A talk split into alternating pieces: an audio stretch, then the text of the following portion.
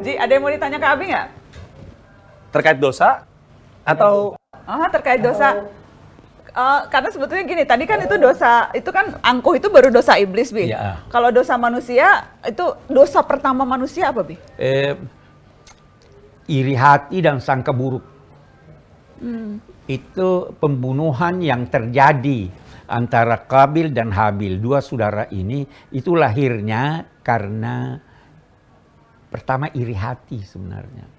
Kenapa eh, korban yang diberikannya, yang dipersembahkannya kepada Tuhan itu diterima Tuhan, sedangkan korban yang diberikan di- dipersembahkan oleh eh, ha- ha- eh, Kabil itu ditolak Tuhan.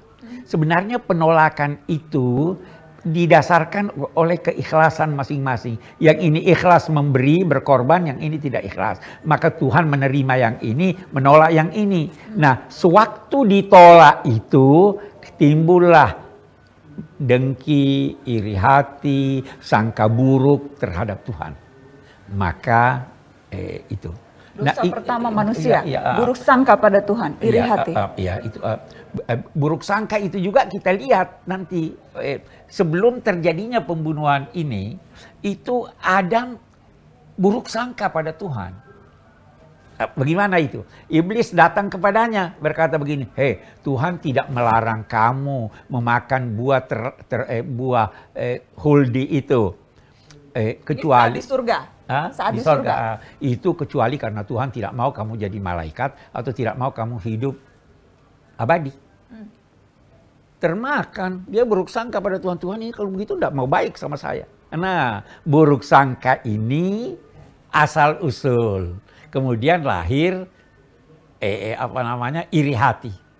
Nah, kenapa dia diberi saya tidak? Itu ada buruk sangka kepada Tuhan juga, tapi benihnya itu tadi dari sini. Jadi eh, agama mengajarkan kita untuk berbaik sangka pada orang. Berbaik sangka pada Tuhan. Carilah alasan untuk membenarkan tindakan orang yang Anda nilai salah. Cari alasan, mengapa begitu? Oh, dia angkuh betul ya pada saya. Dia lihat saya, saya tidak, dia tidak tegur saya. Eh, cari alasannya. Boleh jadi dia lagi bingung. Boleh jadi dia lagi kesusahan. Boleh jadi dia tidak lihat Anda. Carikan alasan pembenaran supaya tidak buruk sangka. Kalau Anda tidak menemukannya, tuduhlah diri Anda bahwa saya tidak mampu menemukannya. Sebenarnya ada. Itu itu jadi kalau kita hilangkan buruk sangka ini, hidup akan harmonis. Kita selalu memandang seseorang itu dengan pandangan positif. Nah, i- ini ini dosa. Itu dosa. Apalagi terhadap Tuhan. Kalaupun ada buruk sangka itu, jangan cetuskan keluar. Jangan wujudkan dalam kehidupan nyata. Karena memang sangat sulit itu. itu. Sulit Bi kita kalau harus selalu Ah, husnuzon kan apalagi pergaulan manusia begitu ya Bi. Betul, Kerap betul. kali kita kemudian ya akhirnya suuzon sama orang karena eh, melihat sehari-hari kenya interaksi Ah, dan sebagainya paling susah tuh berbaik betul, sangka betul, betul. Ya nggak sih Ji? Apa gue doang ya? Ya, eh, ada, ada. Ntar dengerin Panji. Ya nggak susah kan kita berbaik sangka sama orang? Betul. Cuman em, kalau saya Abi dan Nana lebih berusaha untuk berbaik sangka sama orang karena saya sering jadi korban buruk sangka orang gitu. Ah, Jadi betul. karena saya sering ada di Ah, posisi betul. orang suuzon sama saya, saya mencoba untuk ketika orang lain saya coba husnuzon karena saya pernah ngerasain jadi korban suuzon gitu. Itu sih itu sih yang saya coba untuk usahakan. Oke, eh, oke.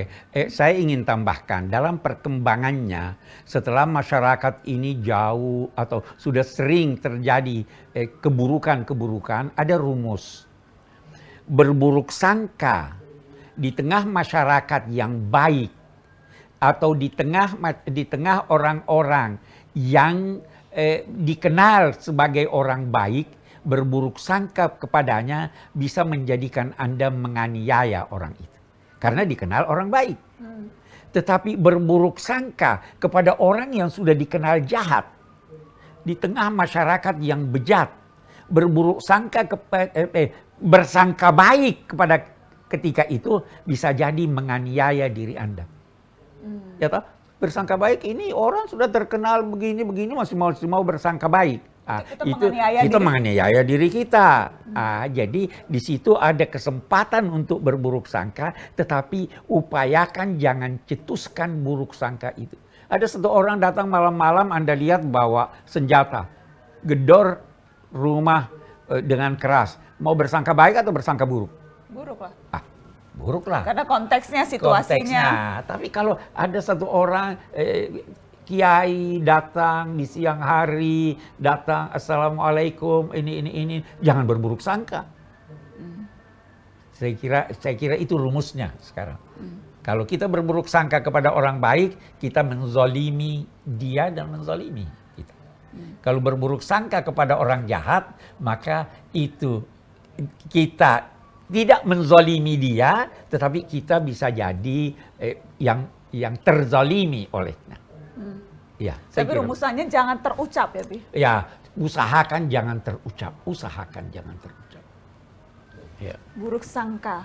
Iya, dosa. Jadi nah, nah itu maksudnya dosa pertama manusia itu buruk sangka. Buruk sangka. buruk sangka Sangka dan dan Tuhan. dan rasa-rasanya itu yang seperti tadi uh, aku bilang Ji, itu sesuatu yang hari-hari ini kita temui sering banget orang suzon sering banget orang buruk sangka belum lagi uh, karena informasinya ternyata nggak benar karena uh, apa karena hoax dan sebagainya tadi Panji bilang sering menjadi korban dari perspektif korban itu wajar menjadi dosa pertama manusia Ji karena memang itu terasa terzolimi banget kali ya Ji Oh, iya. Iya, soalnya em, Abi juga terutama eh, sosmed itu memudahkan orang untuk memberi reaksi terhadap apa pun yang mereka lihat. Hmm. Dan keseringan pengalaman saya tuh orang punya kesimpulan utuh atas informasi yang sepotong gitu. Jadi Ya. dia ngeliat sesuatu, informasinya belum lengkap Abi. Ya. Tapi karena dimudahkan untuk bereaksi di sosial media, keluarlah itu si pendapat prematur yang sayangnya kemudian jadi anggapan utuh. Nah itu yang sering terjadi kepada saya, banyak orang tersinggung sama saya. Halo, orang-orang tersinggung. Karena itu, karena itu sebelum mencetuskan buruk sangka itu keluar, upayakan eh, melakukan check in recheck, tabayun. Ajak dia, kita akan eh, tahu, oh ini duduk soalnya seperti ini.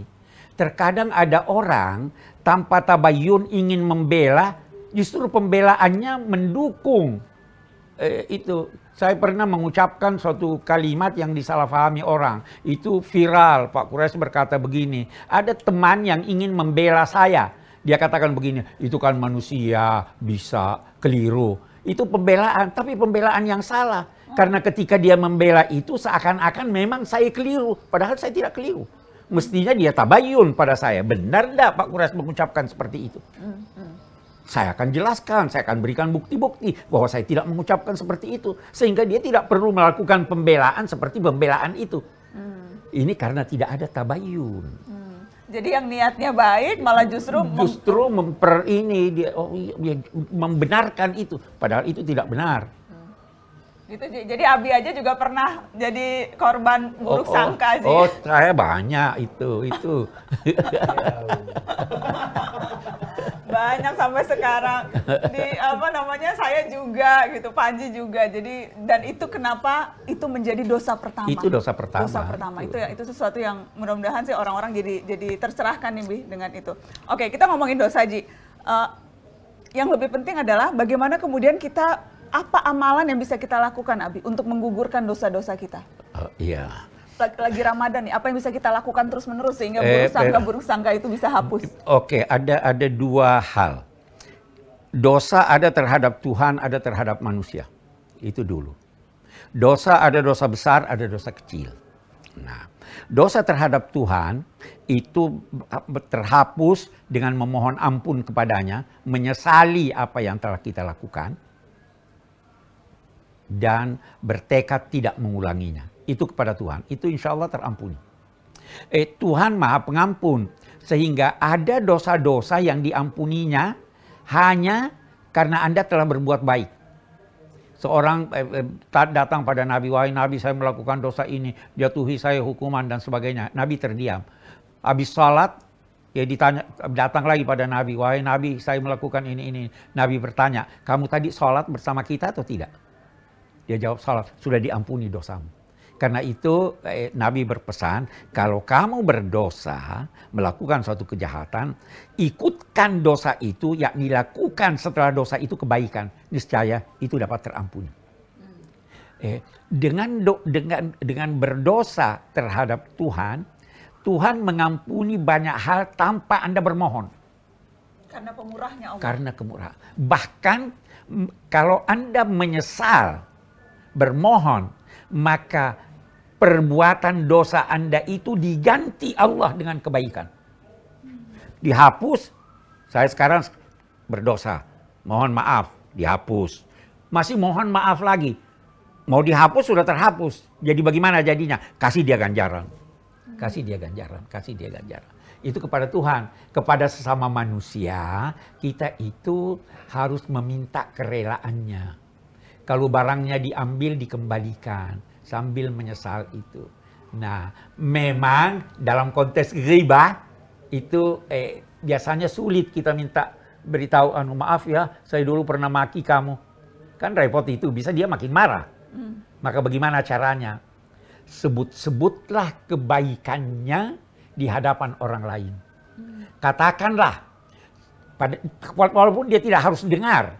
Katakanlah, saya dulu itu pernah salah paham pada si A. Saya pikir dia kikir. Ternyata sebenarnya dia itu amat pemurah. Ini salah satu cara untuk menghapus dosa kita dengan sesama manusia tanpa harus berhadapan dengan yang bersangkutan.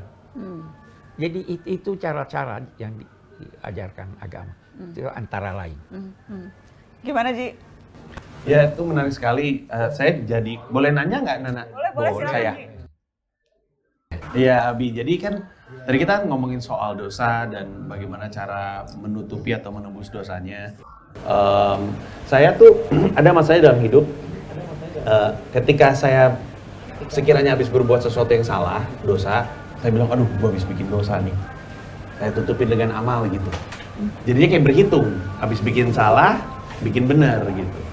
Sampai satu hari saya pikir, tapi siapa yang tahu apa yang saya lakukan itu berpahala gitu. Ap- Siapa yang tahu apa yang saya tadi lakukan untuk nutupin dosa itu benar gitu. Dipikir-pikir, siapa juga yang tahu apa yang saya lakukan tuh benar-benar dosa atau enggak karena tergantung konteksnya dan saya atau manusia-manusia lain kan bukan Allah gitu, bukan saya yang menentukan ini dosa dan ini eh, pahala walaupun ada panduannya. Akhirnya sekarang saya hidupnya udahlah gua eh, saya jalanin yang saya rasa benar aja deh gitu. Kalau misalkan ternyata dosa ya udah kita terima, kalau misalkan ternyata pahala ya alhamdulillah dan nanti tunggu aja hasil akhirnya nggak usah berhitung, nggak usah terlalu matu mat- matematis gitu terhadap dosa dan pahala. Kita jalani hidup yang kita tahu benar, ikutin panduannya juga yang ada di Al-Quran. Habis itu udah. Cuman saya nggak tahu ini benar nggak sih untuk tidak terlalu berhitung atau sebaiknya berhitung atau malah sebaiknya emang benar jangan berhitung. Nah itu tuh habis saya suka bingung. Pahala dan dosa ini sesuatu yang mesti kita timbang-timbang atau kita hitung-hitung atau nggak usah gitu. Iya, eh, saya kira tidak harus kita timbang-timbang, ya. Yang pertama bersangka baik pada Tuhan. Hah, ini saya sudah bersalah, saya sudah berusaha untuk menutupi kesalahan saya dan sebagainya. Apakah ini diterima atau tidak? Itu kan yang timbul dalam hati. Sangka baik pada Tuhan. Tetapi jangan sampai sangka baik kepada Tuhan itu mengakibatkan Anda eh, eh, menggampangkan. Ya toh, udah kan Tuhan maha pemaaf, saya sudah ini. Jangan sampai sangka baik itu menjadikan menggampangkan. Tetapi jangan juga ketiadaan sangka baik ini menjadikan Anda berputus asa. Itu jadi ada keseimbangan antara sangka baik dan kehati-hatian. Kalau sangka baik terus-menerus, udah Tuhan kan maha pengampun. Dia tidak butuh, udahlah kita lakukan dosa aja, Tuhan kan maha pengampun. Nah, itu sangka baik yang menggampangkan. Tapi, wah saya tidak akan dimaafkan nih, saya punya dosa begini nih, dan sebagainya, dan sebagainya. Terhambat Anda berprestasi. Karena berpikir tentang itu. Nah, di sini kita eh, perlu kehati-hatian, tetapi tidak mengakibatkan sesuatu yang merugikan. Saya kira itu ukurannya di situ. Itulah salah satu bentuk dari moderasi yang diajarkan Islam. Islam itu mengajarkan moderasi, ya. Tidak berlebih, tapi tidak juga berkurang. Kira-kira begitu ya. Tapi hitung-hitungan dosa dan pahala itu seberapa kita harus uh, concern, Bi? Seberapa kemudian harus ke- tadi ukurannya Panji, ini dosa pahala apa kita serahkan ke Allah yang menilai atau gimana? Ya, eh, eh, saya saya tidak cenderung eh, berhitung dengan Tuhan. Hitungan saya terbatas, ya kan? Oh, saya lakukan ini dapat sekian dosa. Tuhan Maha Pemurah. Kalau Anda mengharap hanya 10, lebih baik Anda ter- terserah pada Tuhan. Saya tahu Tuhan Maha Dermawan, memberi lebih banyak daripada apa yang kita harapkan. Jadi tidak usah berhitung tentang pahala. Lakukanlah sesuatu karena itu kebaikan. Saya kira demikian ya. Oke, oke Abiku. Makasih banyak ya Panji udah nemenin diskusi dan ngobrol-ngobrol di Syihab dan Syihab episode yang ini. Nah, terima kasih. Mudah-mudahan insya Allah ketemu lagi dan Saya nggak jadi siap juga ya dulu bertiga kayak gini. Syihab, Syihab dan Pragiwaksono. Sohib. Siap, siap dan sohib. Sohib, enggak kalau kalau bisa tuh judulnya Syihab, Syihab dan Sohib. Makasih ya Ji, sehat-sehat semuanya. Salam buat keluarga, pelung ciuk buat anak-anak. Makasih. Makasih, makasih. Makasih ya Biku. Kita ketemu lagi insya Allah teman-teman di Syihab dan Syihab dan Sohib berikutnya di episode selanjutnya. Assalamualaikum warahmatullahi wabarakatuh.